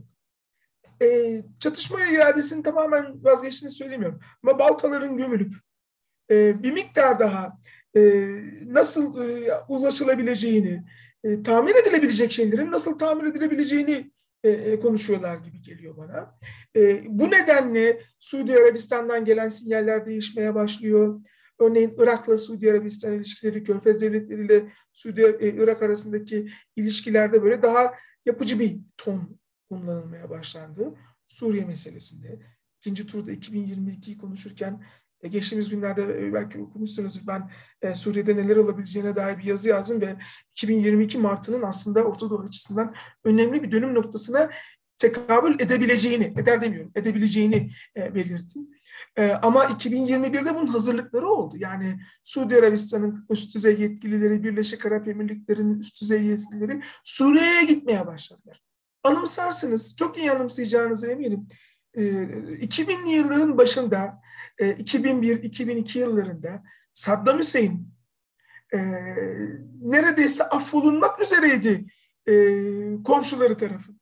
Hani o 90'lı yılların başındaki büyük çatışma işte acaba bizi mi işgal edecek, onu mu işgal edecek, Amerikalıları çağıralım hikayesi bir tarafa konulmuştu. Irak uluslararası topluma dönebilir mi? Ambargolar gevşetilebilir mi? Ee, e, veyahut işte bu e, de komşuları da artık tehdit olmaktan çıkarılacak hale gelirse nasıl Irak'ta Irak e, şey sistem, bölgesel sistemi entegre edilebilir? E, tartışmaları başlamıştı. Sonra 11 Eylül olayı gerçekleşti ve iş başka bir tarafa doğru gitti ama ben o zaman da hatırlarsanız yani Irak çalışmaya çalışan bir e, genç akademisyen adayı olarak e, iyi anımsıyorum ki e, artık ambargoları kimse umursamıyordu. Irak'a e, uçuşlar, seferler başlamıştı. Önemli ülkelerden, bölge ülkelerinden e, ciddi bir e, diplomatik girişim başlamıştı. Niye bunları söylüyorum? 2021'de de Suriye'ye oldu. Yani 2010'lu yılların o e, üç güne, üç aya, bilemedin üç, üç yıla devrileceğine kesin gözüyle bakılan Esad'ın yerine işte Dışişleri Bakanları ziyaretleri, e, acaba e, başka üst düzey ziyaretler olabilir mi? E, yani böyle arada Mısır İstihbarat Başkanı gidiyordu, ne bileyim işte e, Suudi Arabistan İstihbarat Başkanı gidiyordu. Onlardan filan çıkıp resmi açık açık ziyaretler başladı. Fuarlara davet etmeye başladılar. Suriyelileri ki şimdi e, ne alaka diyebilirler? Fuar işi önemlidir. Yani fuar işi neden önemlidir? Çünkü bu fuarlar aracılığıyla şirketleri e, önce çalıştırmaya başlıyor devletler. Arkasından bu diplomatik ilişkilerin de önünü açıyor. O anlamda e, izlenmesi gereken emarelerden bir tanesidir. E, benim en azından izlediğim bölge itibariyle baktığım zaman. Dolayısıyla 2021'de sanki bir miktar e, tamir edilebilen olay, tamir etme sürecine girdiğini e, görüyoruz Orta Doğu'nun. E, tekrar ediyorum 10 yıl uzun bir süreydi. Bu süre zarfında iktidarlar değişti. İç savaşlar başladı. E, ve iç savaşların neredeyse tamamı e, devrimci sonuçlar üretmedi. Mısır'da Kaddafi devrildi. Bugün seçim yapılırsa acaba Seyfülislam mı olur yoksa Kaddafi'nin generallerinden birisi mi olur tartışması gündemde duruyor. Ee, diğer taraftan Suriye'de Beşer Esad iktidar... Libya'da olacak, Mısır'da değil. Kaddafi Mısır'da değil, Libya'da. Efendim hocam? Libya'da. Evet, evet Mısır'da dedin de. Evet, Libya'da. Özür dilerim. Evet, Libya'da. Ee, yok Mısır'a da geleceğim. Evet, Mısır'da da yani şimdi Mısır'da da devrim oldu. E, yapı değişti. Yani e, ülkeyi yönetme biçimi bakımından Hüsnü Mübarek'ten çok farklı bir yapı yok şu anda baktığımız zaman. E, e, Irak'ta IŞİD geldi, Amerikan işgali, sonra IŞİD geldi. Aman ülke üçe beşe falan gidiyordu. Şimdi yine güçlü bir adam, etrafında birleştirilmeye çalışılan güçlü bir adam, böyle özelliği istihbaratçı olması falan. Yani güvenlik bürokrasisinin içinden geldiği e, bilinen bir güçlü adamın ülkeyi istikrarlı bir şekilde tutması bekleniyor. Yani alıp bu Arap Baharı bir yerden öbür tarafa, Tunus yani iktidar belli bir süre için el değiştirir gibi oldu ama e, neredeyse eski güç odağına geri döndü sayılır. O anlamda baktığımız zaman hani böyle e, 10 yıl önce e, tamam hepsi gidiyordu. 10 yıl geçti. E, hemen hemen e, isimler olmasa da iktidar yapıları hemen aynı aynı kalmaya benzer olarak kalmaya devam etti ve herkes yoruldu. Bu kadar çatışma yeter e, kısmına geldiler. Tamire gidiyor iş. Tabii e, Saddam Hüseyin de tamire gidiyor. Sonunda ne olduğunu gördük yani. E, o yüzden böyle çok kesin konuşmuyorum. Ben de e, süremi doldurdum. 2021'de e, olup bitenler 3 aşağı 5 yukarı e, bu şekilde cereyan etti. Şimdi bir tur daha yapalım. Bu turda da e, 2022 beklentilerimizi e, e, bir, şey yapalım, e, tartışalım istiyorum. Ama bu turu biraz daha kısa tutmamız gerekiyor. Böyle yarım saat toplamda tutmamız gerekiyor. En sonunda da şu ana kadar YouTube'dan bize bir soru gelmiş. Onu soracağım. E, mi gidelim? Nasıl yapalım hocam? Ben konuş, konuşayım kısaca. Sonra Tarık daha uzun e, konuşsun. Buyurun. Tersinden gidelim. E, Tarık e, daha geniş e, böyle dünyada neler e, bekleniyor onu e, anlatır. Şimdi iki e, konu tabii e, Orta Doğu'da ne olacak? Oradaki e, savaşlar e, bitecek mi vesaire savaşları veyahut da yeni çatışmalar olacak mı? Verdiğin örnekler çok ilginçti. Yani Saddam Hüseyin'le e, Beşar Esad arasında bir e, kıyaslama yapman çok ilginç. Bu Fernand e, Braudel'ın o meşhur long duration e, teorisine de çok uyar. Yani kısa süreli sorunlar var, uzun süreli e, e, sorunlar var, orta vadede ortaya çıkacak olan şeyler var. Bence de e, 20, 2022 e, birçok açıdan e, yeni gelişmeleri beraberinde getirecek. Ben e, Orta Doğu'ya e, girmeyeceğim, onu sen e, anlatacaksın. Ben Avrupa açısından yine e, kaldığım yerden e, devam edeyim. Şimdi Avrupa'da e, 2022 yılı e, birçok tabii seçimlere e, gebe. Yani Fransa'da ne olacağını bilemiyoruz. Yani Fransa'da eğer e, radikal bir e, lider gelecekse ki son dönemlerde e, Fransa bu konuda çok hızlı e, bir dönüşme uğruyor gibi e, Macron'un e, kaybetmesi durumunda ben her ne kadar kaybetmeyeceği yönünde daha çok bir e, genel çerçeve görüyorsam da eğer Macron giderse yeni gelecek olan başkanın Almanya başbakanıyla nasıl bir iletişim kuracağı çok önemli. Çünkü Almanya başından itibaren radikal gruplarla işte o e, Alternative ve für Deutschland dediğimiz o radikal siyasi partiyle e, reddetti. Hristiyan demokratlar da reddetti işbirliğini, e, sosyal demokratlar da diğer partilerde. Ama Fransa'da bu farklı olabilir. Şimdi e, Fransa ve Almanya e, her ikisi de e, dün, askeri güç sonuç itibariyle, askeri ve ekonomik güç. İkisinin toplam işte gayri safi milli hasılası Amerika'nın yarısı kadar e, ediyor. 9 e, milyar, e, 9 trilyon dolarlık bir ekonomiye e, e, geliyor. Ama e, burada bizi ilgilendiren şey Avrupa Birliği'nin masrafları artıyor. Yani e, Avrupa Birliği genişleyecek bir yandan ama işte Ukrayna gibi e, veyahut da Beyaz Rusya gibi e, ülkelerde yaşanan gelişmeler Avrupa'nın enerjisini daha çok or, e, Orta ve Doğu, Avrupa Birliği'nin Orta ve Doğu Avrupa'ya doğru kaymasına neden olacak. Yani Kuzey Avrupa, Orta Avrupa ve Güney Avrupa yani Balkanlar bu coğrafyada önümüzdeki dönemde Rusya'nın dengelenmesi çok önemli olacak. Yani Rusya burada korkunç bir e, etki e, kazanımına doğru gidiyor. baskı anlamında. Çin e, bu arada Avrupa e, içerisinde çok ilginç bir e, gelişme yaşıyor. Yani dışarıdan gelen bir unsur olarak işte Litvanya ile arasında yaşanan e, tartışma bunun e, en tipik bir e, örneği gibi gözüküyor. İtalya'da, Yunanistan'da ve bizde tabii Türkiye'de de yani bizde e, Çin'e karşı pek fazla bir şey diyemiyoruz. Şimdi Avrupa, e, Çin ve Rusya gibi Avrupa Birliği'ni kastediyorum. Çin ve Rusya gibi iki güç merkezini bir şekilde dengelemek zorunda. Yani maddi olarak ve askeri olarak. Amerika Birleşik Devletleri'nin e, Avrupa için bir nükleer çatışmaya gireceğini ben düşünmüyorum. Yani o olasılık var. Yani ne Putin ne de e, Amerika e, e, Joe Biden yani bir nükleer savaşa Ukrayna için girmezler. Yani şey gibi e, iki tarafta şöyle diyeyim Ukrayna'yı bir kuzu olarak düşünün. Bir tarafta bir ayı, öbür tarafta bir tane işte kaplan. Çekiyorlar olan e, kuzuya olacak, bacakları ayrılacak. Yani Ukrayna'nın e, Rusya'ya önümüzdeki dönemde etki yapması söz konusu değil. Son dönemlerde e, Avrupa'da e, Zelenski ile Biden arasındaki görüşmeyi de kastederek söylüyorum. Ukrayna bir baş ağrısı olarak kalacak Avrupa'nın güvenliği için. Rusya için de bir sorun. Ama şöyle bir şey var. Ruslar bunun farkında. Baş ağrısı eğer hap alırsanız hemen geçer. Almazsanız yedi günde geçer. Ama geçer.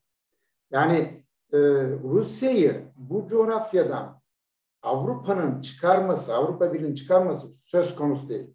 Bana göre e, Putin çok iyi bir santranç oyuncusu olarak özellikle kara anlamında yani Avrupa'nın ortalarına ta Polonya sınırına kadar geldi. Göçmenleri getirdi ve daha da getirebilir. Karadeniz'deki gelişmeler çok ilginç olacak. Onu e, söyleyebilirim. Karadeniz biliyorsunuz 1774'ten beri yani Küçük Kaynarca Anlaşması'ndan beri Rusya'nın e, e, alanı, e, hakimiyet alanı e, olmasa da etki alanı e, içerisinde. Şimdi e, Karadeniz'de Amerikan gemilerinin, NATO gemilerinin boy göstermesi bir güç gösterisi olabilir ama Rusya'yı çok fazla korkutmaz. Yani Rusya'yı Kırım'dan çıkartmaz.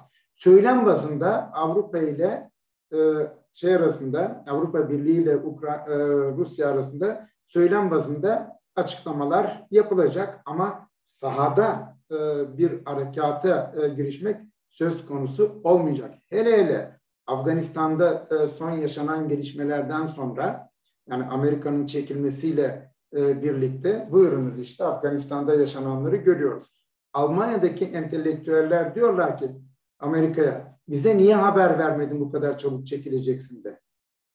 Yani bizi kontropiyede bıraktın diyor. Yani e, bu böyle olmaz.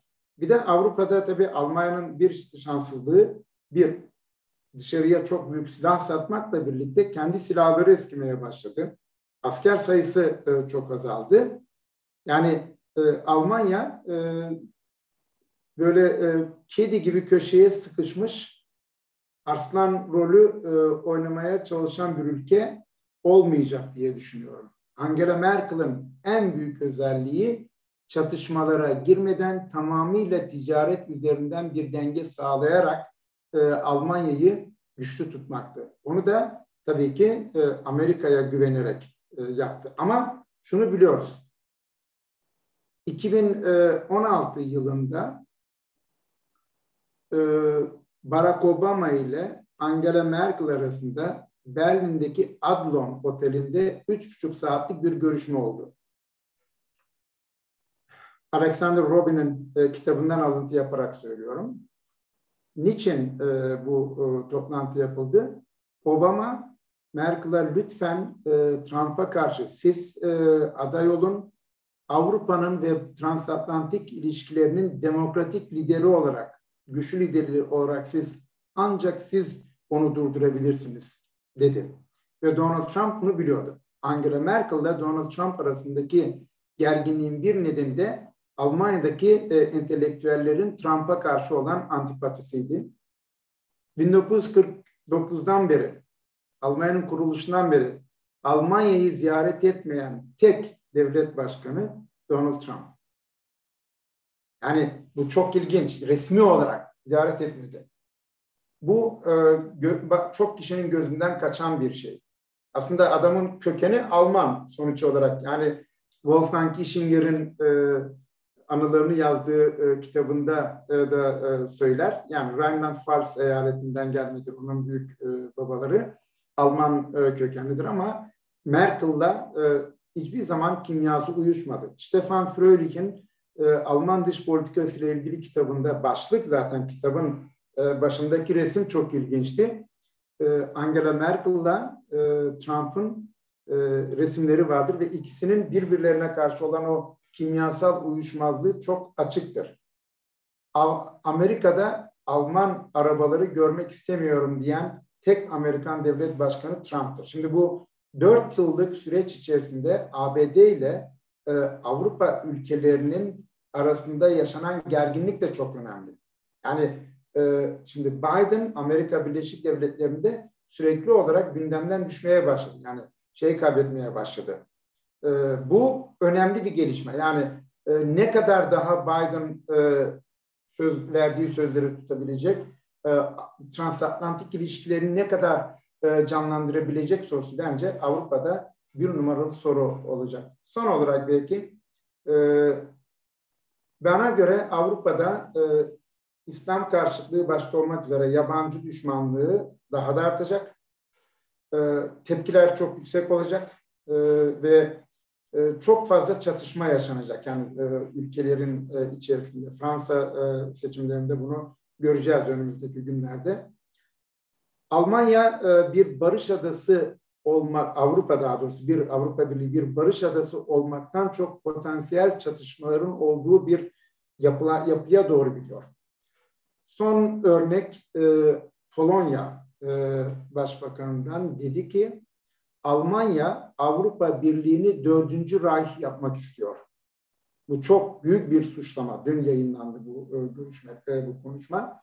Ne demek istiyor? E, üçüncü Reich Hitler'indi. Dördüncü Reich Avrupa Birliği. Avrupa Birliği'nin bütün üst düzey mekanizmalarında Almanlar var diyor ve bu bizi rahatsız ediyor diyor. Şimdi İngiltere'nin de çekilmesiyle birlikte tabii Fransa ve Almanya'ya büyük oranda kaldı Avrupa Birliği. Şimdi bu önümüzdeki dönemde e, Orta ve Doğu Avrupa ülkelerini yani Macaristan'ı, Fran e, Macaristan'ı, efendim söyleyeyim e, diğer bölgeleri, Polonya'yı rahatsız edecek.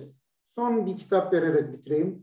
Francis Fukuyama'nın Identity isimli 2019'da yayınlanan bir kitabı var. O kitapta özellikle illiberal demokrasi kavramını biliyorsunuz e, Avrupa'da ilk defa kullanıldı. Bu illiberal, illiberal e, demokrasilerin illiberal liderlerinin önümüzdeki dönemde Avrupa'da daha fazla görülebileceği bir e, sürece e, giriyoruz. E, Avrupa'nın işi zor. Yani e, burada Profesör Hoyman'a ben de e, katılıyorum, Hans Dieter Hoyman'a. E, Avrupa Birliği bir ekonomik güç olarak kalacak ama askeri bir güç olarak önümüzdeki dönem ne otonomik e, otonomi stratejiye e, kavuşabilecek ne de kendi içerisinde ortaya çıkabilecek sorunları e, daha önceki dönemlerde e, çözebildiği gibi rahat çözemeyecek. Kısacası Avrupa Birliği'nin başı çok arayacak. Batı'nın değerleri bütün dünya genelinde tartışmaya açılacak. Ama e, bir konuda tabii Avrupa halen çok güçlü. Ekonomik olarak dünyanın en e, güçlü ekonomilerine sahip. E, Brüksel Efekt diye bir, Brussels Efekt diye bir kitap yayınlandı. Finlandiyalı bir profesörün Kolombiya Üniversitesi'nde e, yazdı. E, Avrupa Birliği standartların birliğidir. Yani Avrupa Birliği'ne mal ihraç etmek isteyen bütün ülkeler Avrupa Birliği'nin koyduğu standartlara göre mal ihraç etmek zorundadır. Bu Çin için de geçerli, Brezilya için de geçerli, Türkiye için de geçerli, Amerika için de geçerli. Yani Avrupa böyle bir e, güvenli ekonomik ada olarak kalmaya devam edecek. Ama e, Tarık kullandı galiba dışarıdan e, gelecek baskılar önümüzdeki dönemde çok artacak ve Avrupa'nın nasıl bir e, politika, Avrupa Birliği'nin nasıl bir siyasal aktör uluslararası alanda olacağını, güçlü mü, zayıf mı olacağını e, benim gördüğüm kadarıyla e, güç azalımına gideceğini düşünüyorum ben. Avrupa Birliği güçlü bir uluslararası aktör olamayacak diye düşünüyorum. Hocam çok teşekkür ediyoruz. Şimdi Tarık Hocam'ı dinleyelim. Sonra iki tane de soru var. Sizler onları yapın. Evet. Ben de teşekkür ederim Serhat. Ee, Hüseyin Hocam'a da teşekkür ediyorum. Yani öğrenci olmanın keyfine varmış oldum. Bugün çok güzel notlar aldım. Uzun zamandır not almıyordum. Bugün aldım. Ee, güzel Hocam oldu. çok özür dilerim ama şu kağıdı görüyor musunuz? görüyorum, görüyorum. Ben yine kitap yazdım bu arada. Yani aldım hocamdan. Süpersin. Ee, ben de birkaç tespit yapmak istiyorum. Yani önümüzdeki e, zaman diliminde bizi neler bekliyor sorusuna doğrudan bir cevap olmayabilir ama belki dolaylı bazı açılımlar sunabilir. Konuşmamıza başladığımız dakikadan bugüne, e, şu ana kadar iki konuya hiç değinmedik. Farkında mısınız? Hiçbirimizin ağzından ne COVID-19 lafı çıktı ne de küresel iklim krizi lafı çıktı. Hep jeopolitik, real politik konuları konuştuk. Büyük güçler zaviyesinden uluslararası ilişkilere bakmaya çalıştık. Bu da bana şunu söyletiyor. Geçen seneden itibaren hızlı bir şekilde Hobbes, Kantçı dünyadan Hobbesçu dünyaya doğru dört nala koşuyoruz. Yani önümüzdeki yılda jeopolitik mücadeleler, olası savaşlar, krizler, Serhat Hoca'nın çok güzel ifadesiyle işte vekalet savaşları, ya bir yerden e, fışkırması muhtemel gerginlikler bunları göreceğiz. Covid-19 ve iklim krizi gibi iki tane önemli olay dünyanın genelini, insanlık ailesinin genelini etkileyen iki olay bizi birleştiremiyorsa, birleştiremiyorsa, işbirliği yapamıyorsak daha bizi ne birleştirecek? Bu bir yana uzaylı istilası. Maybe belki belki Serhat Hocam. Şöyle bir şey de var. Covid-19 ve iklim krizi bile siyasallaştırılıyor. Yani büyük güçler arası mücadelede kullanılan bazı enstrümanlara, elverişli araçlara dönüşüyor. Yani ABD ile Çin arasındaki mücadeleyi anlamak istiyorsanız bu iki ülkenin bu iki önemli konudaki söylemlerine bakmamız da gerekir. Olay sadece Tayvan krizi değil, Hong Kong olayı da değil. Olay dünyaya bir model sunma, iyi yönetişim çerçevesinde ben daha iyi yapıyorum, sen daha kötüsün. Küresel iklim noktasında benim katkılarım daha uzun vadeli. Ben sıfır karbon ekonomisine senden daha çok inanıyorum, daha hızlı yol Bu bile bir silahlı şeye dön yani bir mücadele unsuruna dönüşmüş durumda. Bunu söylemek isterim. İkincisi, Önümüzdeki yıllarda yani 2022'de özellikle Çin'de şöyle stratejik bir tartışma yapılacağına ben inanıyorum. Ee, o da şu, Hani peaceful rise, peaceful development, barışçı kalkınma, barışçı yükseliş stratejisi benimsemiş diye Çin çok uzun yıllar, 80'lerin e, başından 2010'lu yıllara kadar. Xi Jinping'le birlikte bundan vazgeçilip daha iddialı, özgüvenli bir politikaya geçildi. Ama bu politikanın da Çin'e yönelik olumsuz algıyı arttırdığını, Çin'in düşman biriktirmesine sebep olduğunu ve Çin'in yükselişinden endişe eden ülkelerin sayısının arttığına sebebiyet verdiğini de bence Çinliler şu anda görüyorlar yavaştan yavaştan. Hala e, devam eden bazı tartışmalar var. Ben de tabii okuduklarımdan yola çıkarak bunları sizinle paylaşıyorum. Bu eski barışçı yükseliş ve kalkınma stratejisine dönmemizin daha doğru olacağı noktasında görüşler öne süren insanlar var. Hatta bugün okuduğum bir makalede yani e, Mao'nun ünlü Dışişleri Bakanı e, Zhou Enlai yanlış telaffuz edebilirim tabii Çincemiz yok. Yani öyle bir şahsiyete ihtiyacı olduğunu söylüyor. E, Enlai, Zhou Enlai. Teşekkür ederim hocam. Yani öyle stratejik düşünen, çünkü Çin ne yaptı? Amerika'yı karşısına aldı ki Amerika Çin'in yükselmesinin temel finansör ülkesiydi. Yani Amerika olmasaydı Çin şu anki konumuna asla gelemezdi. Amerika'yı karşısına almanın ötesinde birçok farklı ülkeyi de kendi niyetleri noktasında Çin'e sorgular bir perspektife e, perspektiften bakmaları neden oldu. Bunu bir kere söylemek istiyorum ama aynı zamanda Çin'de şu düşünüş de zemin kazanıyor. Xi Jinping'in bütün söylemlerinde bunu görebiliyorsunuz. Batı düşüşte, Doğu yükselişte. Yani buna biat etmiş gibi bir kişilik. Yani e, bir kişi bir ülkenin kaderini değiştirebilir mi? Değiştirirse ne kadar değiştirebilir? E, e, yani bence Xi Jinping burada bir model. Yani illiberal demokrasilere örnek değil çünkü onların sistemleri ve mekanizmaları farklı ama otoriter liderliğin e, bir ülkenin stratejisinde, stratejik yönelişinde ne kadar önemli olduğunu bence gösteriyor.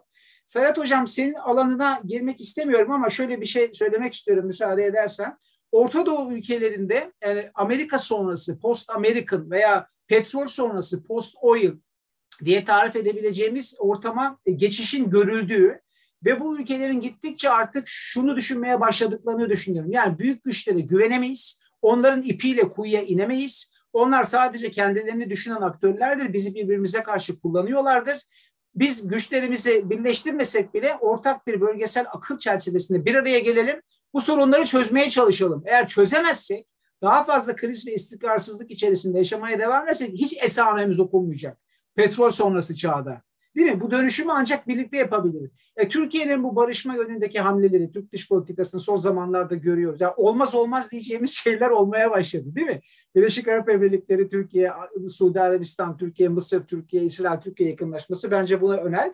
E, buna güzel bir örnek. Başka bir şey, genel bir tespit olarak söylemek istiyorum. Önümüzdeki yıllarda her şey savaşın konusu.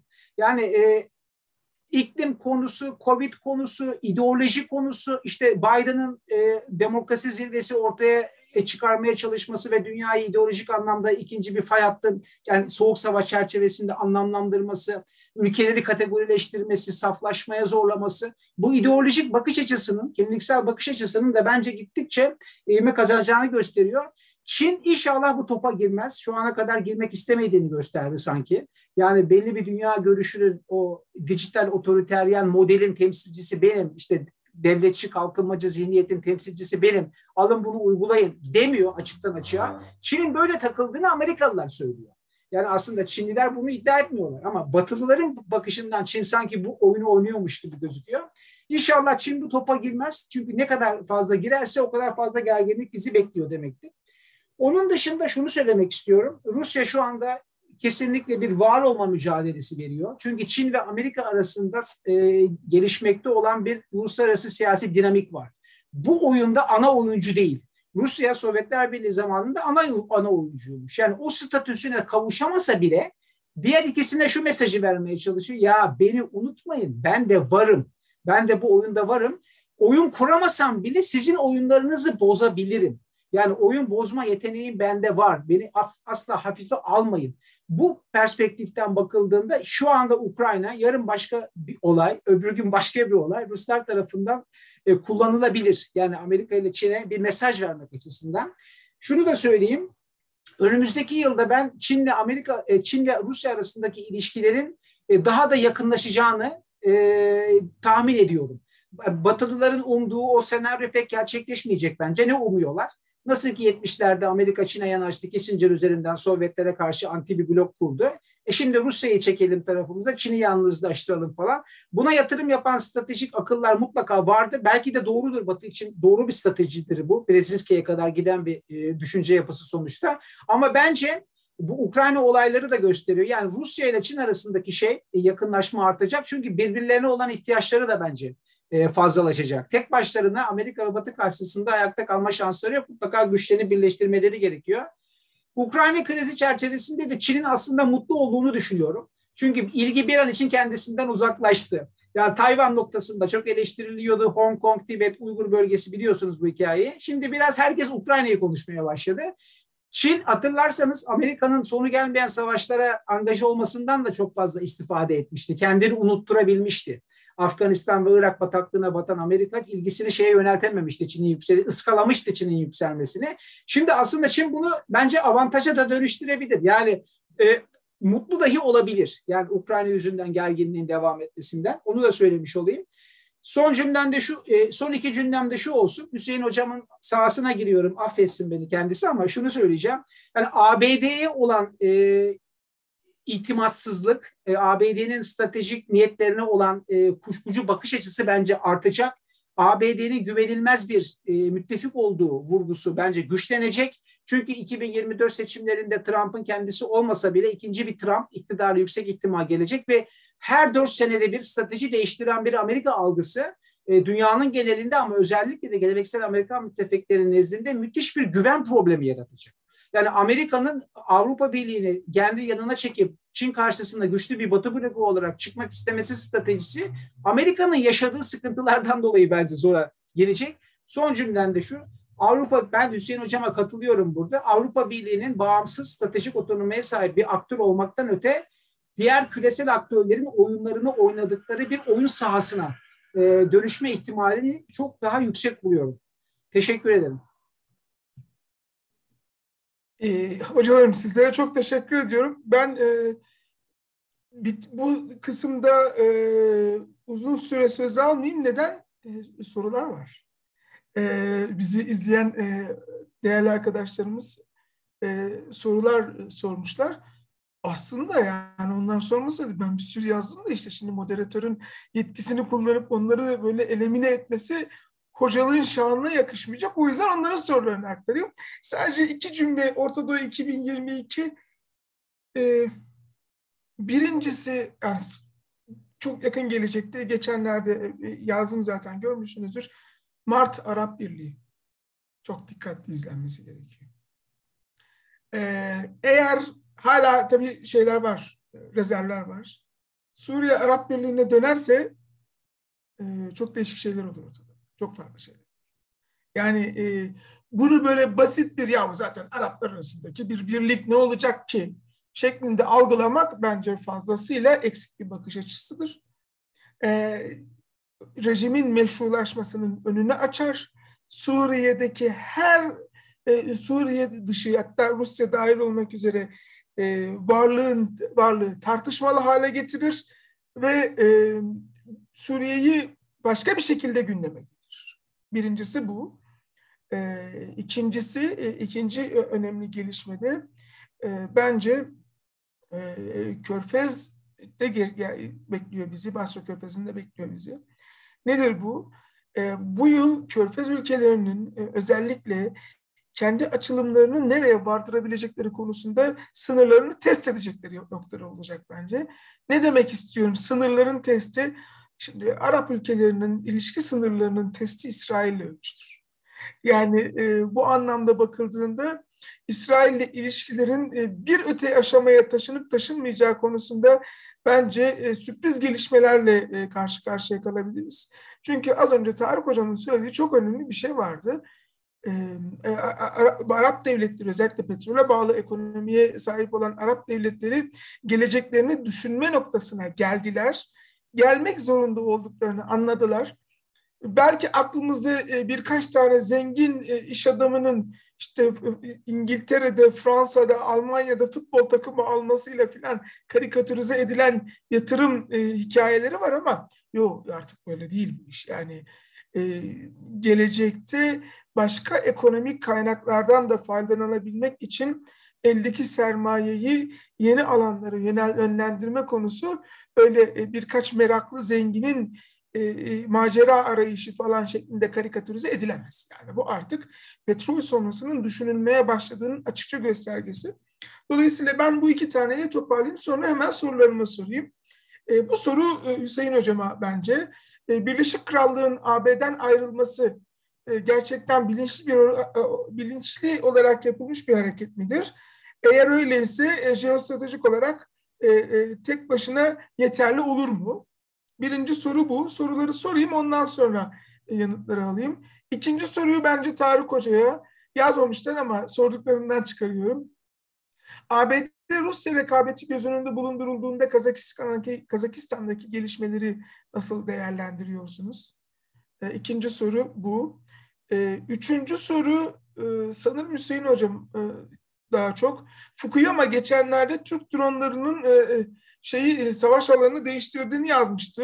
E, bu konuda ne düşünüyorsunuz? Kara savaşlarını bitirebileceğini yazmıştı. Bu konuda ne düşünüyorsunuz diye yazmış arkadaşımız. Bir de şöyle sormuş. Türkiye'nin yaklaşık olarak 5 milyon Suriyeli'ye ev sahipliği yapması Türkiye Arap Birliği ve Türkiye Avrupa Birliği ilişkilerine ne derece etkilidir? Bunun Avrupa Birliği konusu konuşulabilir. Bir de sanırım benim yanıtlayabileceğim bir soru var. O da e, IŞİD ve benzeri ideolojideki örgütlerin Türkiye dahil olmak üzere Avrupa'da Avrupa Türkiye dahil olmak üzere Avrupa'da 3-5 yıl önceki eylemselliğinin yeniden görülmesi olasılığı sizce ne seviyededir demiş. E, buna aşağı yukarı ben cevap veririm ama Hüseyin Hocam. Tamam. Ben hemen e, kısa kısa söyleyeyim. Söylese bırakayım. Bir e, Suriye konusu sende. E, diğeri e, e, Fukuyama'nın Fukuyama'nın yazdığı e, e, Türk dronları ile ilgili şey. Yani biz bunu hep söylüyoruz da sakalımız olmadığı için senin gibi anlatamıyoruz. Yani e, Fukuyama yazınca e, kim bilir ne kadar para verler yazsın diye belki de onu bilemiyorum. Yani e, bu şeye benziyor. Biz domates üretiyoruz, ketçabı İtalya'dan alıyoruz. Halbuki ana madde bizde. E, bu bir. E, ama önemli tabii. Yani bu konuda e, yani bu konuda çok önemli e, gelişmeler var. Diğeri E, İngiltere ile ilgili soruya ben kısaca cevap vereyim. Hans Peter Schwarz'ın e, çok güzel bir e, kitabı var. E, Pusulası Bozulmuş Dünya diye. Orada e, Republik One Kompas. E, şimdi orada diyor ki İngiltere'nin e, planları aslında Pentagon'da. Bu e, tarihsel bir e, kıyaslamayla yapar. Der ki Yunanlar Yunanlar Romalıları yenemeyeceklerini anlayınca Romalılarla işbirliğine giderler ve e, Yunan İmparatorluğu'nun bütün dünyaya hakim olma e, planları Roma'ya verilir. Roma onları yapar ve Roma bir e, cihan imparatorluğu olur. Tıpkı İngiltere'nin İkinci Dünya Savaşı'ndan sonra küçülüp Amerika Birleşik Devletleri'nin onun yerine gelmesi gibi. 19. yüzyılda Amerika şey İngiltere neyse 20. yüzyılda da Amerika Birleşik Devletleri oydu. Ee, dediğim gibi çok detaya girmek istemiyorum. Bir de e, iklim e, şey doğru yani e, Covid-19'u söylemek lazım, iklim krizini söylemek lazım. Bunlar önemli sorunlar ama çok fazla vakit almak e, istemediğim için söylemedim. Sadece şunu söyleyeyim, sağlık sektörü savunma sektörüyle e, çok eş değer gidiyor dünyada. Hele hele şimdi e, sağlık sektörü birinci sıraya doğru yükseliyor. Milyarlarca dolarlık bir para söz konusu ve kimse de güvenmiyor artık. Yani bu önemli bir tartışma var. Türkiye'de de Avrupa'da da e, aşı karşıtları bunun bir oyun olduğu yönünde e, düşünüyorlar. Pek fazla etkisi olmadığını düşünüyorlar.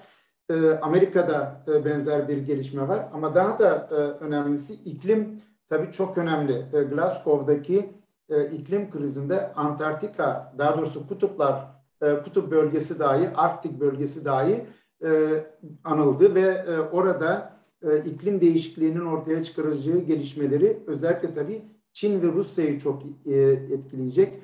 Rusya e, kuzeyde e, özellikle yeni e, buzulların erimesiyle birlikte yeni toprak sahalar ortaya, alanlar ortaya çıkmaya başladı ve bu toprakları koruyacak bir ordu kurdu Rusya. Nasıl Amerika uzay ordusu kurduysa Rusya da e, o orada toprak olarak e, ortaya çıkan buzulların erimesiyle alanları korumaya aldı. E, bayağı ilginç e, şeyler olacak. Yani gelişmeler olacak ama bugünlük çarşamba konuşmalarında bunlar yeter diye düşünüyorum. Daha sonraki dönemlerde inşallah tekrar e, açabiliriz. E, Serhat'cığım ben de hemen kısacacık söyleyeceğim. Hiç uzatmayacağım çünkü hemen başka bir platformda başka bir konuşmam var. Ona yetişmem lazım. Ee, yani Kazakistan konusunda çok uzman değilim. Hakem kesip yanlış bir şey söylemek istemiyorum ama Orta Asya'daki Türkiye Cumhuriyetleri bir denge siyaseti güttüklerini hep okuyoruz, biliyoruz. Hem Rusya ile Çin arasında bir denge siyaseti güttüklerini biliyoruz. Hem de Amerika Birleşik Devletleri ile bir tarafta, Rusya ve Çin ile bir tarafta bir denge siyaseti. Kazakistan'ın da bu rolü en iyi oynayan Orta Asya Türkiye Cumhuriyeti olduğunu okuyorum, biliyorum ben de bir yani okuyucu olarak biliyorum açıkçası. Ama e, ekonomi noktasında Çin'le çok daha fazla yakınlaştığının herhalde farkındayız hepimiz. Yani Çin'in yol kuşak projesinin de önemli güzergahlarından bir tanesi. E, ama siyasi ve askeri anlamda da Rusya'nın e, güdümünde bir şekilde hareket etmek zorunda kaldığını da biliyoruz. Yani bu ne şiş yansın ne kebap politikası veya işte e, yumurtaları dengeli bir şekilde iki farklı sepete dağıtma politikası. Kazakların çok iyi oynadığı bir oyun. Zaten bu yüzden de yeni middle power olarak bile adlandırılıyorlar Kazaklar. Yani yeni orta güç. Yani Avustralya, Kanada, Hollanda gibi yeni middle power. O da de, öyle bir makale okuduğumu da hatırlıyorum. E, bu arada çok te- teşekkür ediyorum e, Serhat'cığım. Yani çok güzel bir program. Gerçi kapanış konuşması değil bunlar ama neyse onu sonra yapalım. Sen şey yap. E, Peki. Ee, şey ben de hemen soru, yeni sorular geliyor ama dediğiniz gibi sizlerin de diğer programlar var. Dolayısıyla bitirmek zorundayız. Ben hemen sorulan soruyu hızlıca sonra kapatalım. Ee, IŞİD gibi örgütler e, merkezi otoritelerin kuvvet kaybettiği e, ve e, gri alanların e, daha çok olduğu yerlerde ortaya çıkıyor. Yani Suriye gibi, Irak gibi devletlerde, Afganistan gibi devletlerde yani devletin kendi idaresini, kendi otoritesini sürdürebildiği yerlerde büyük alanlar bulamıyor. Ne zaman bu tür devletlerde büyük kırılmalar meydana geliyor? İşte o zaman e, o boşlukları dolduruyorlar. Ve dolan boşluklarda hemen radikal bir takım örgütler tarafından e, fırsata çevriliyor ve kısa süre içerisinde yayılma etkisi gösteriyor. Dolayısıyla IŞİD'in e, birkaç sene önceki e, performansını tekrar yakalayabilmesi için yakında bir yerde büyük bir kırılma meydana gelmesi gerekiyor. Bu kırılma olmazsa tekrar o gücüne ulaşamaz. terörle mücadele faaliyetleri çerçevesinde engellenebilecek bir tehdit olarak kalır. Ama yeni kırılmalar meydana gelirse işte Irak, Suriye, Yemen, Lübnan, Libya veyahut öngöremediğimiz başka bir yerde o zaman işte bu tür örgütlerin tekrar güçlenebilme kendilerine bir merkez oluşturup buradan yeni bir güç projeksiyonu yapma olasılıkları ortaya çıkabiliyor. Ama onun için herhalde bir iki sene daha var. Diğer sorular için çok isterdik yanıtlamayı. Güzel sorular var ama süremiz tükendi. Ben hem Hüseyin Hocama hem Tarık Hocama çok teşekkür etmek istiyorum. Valla iki sayfa not tuttum. Çok şey öğrendim ve çok da keyifli oldu. Sizlerden birer cümle daha alıp ondan sonra veda edelim istiyorum. Buyurun hocam. Ben mi Tarık mı? Hocam, Hüseyin Hocam buyurun. buyurun. Ben e, tüm izleyicilere e, çok teşekkür ediyorum. Sana çok teşekkür ediyorum. E, gerçekten bir ufuk turu oldu. Tabii her, şeyi tartışmak mümkün değil. Yani bu sadece böyle bir o şey olarak yemek öncesi bir tatlı olarak görmek lazım. Çok güzeldi. Sen de güzel yönettin. Bence çok başarılı bir toplantı oldu. Tar Tarık'a da e, çok teşekkür ediyorum. O da e, çok güzel konuları e, gündeme getirdi. Ben e, çok memnunum. Umarım izleyiciler de e, bu konuşmalardan memnundur. Çok teşekkür ediyorum. İyi akşamlar diyorum, başarılar diliyorum. Ben de çok teşekkür ediyorum Serhat. E, bu güzel organizasyonu düzenlediğin için. Hüseyin Hocama da ayrıyeten teşekkür ediyorum. Onunla aynı panelde bir konuşmacı olmak ayrıyeten gurur verici. Çok not aldım ben de. Çok şey öğrendim. Hocamızın tarzı zaten hepimize ilham veriyor. Normatif güç diyorum ben Hüseyin Hocama. Yani Avrupa Birliği kaybediyor ama Hüseyin Hocam normatif power kesinlikle. Onu not etmek isterim. Sana da yeni görevinde sonsuz başarılar diliyorum. E, değerli izleyicilerimize de e, sabırları için teşekkür ediyorum. Çok sağ ol. Ben de her iki hocama çok teşekkür ediyorum. Hem Hüseyin hocama hem Tarık hocama. Bence çok keyifli, çok bilgilendirici bir program oldu. Altınbaş Üniversitesi'nin düzenlemiş olduğu çarşamba toplantıları çerçevesinde bu seferlik sona geldik. Bir ay sonra tekrar bir programımız olacak.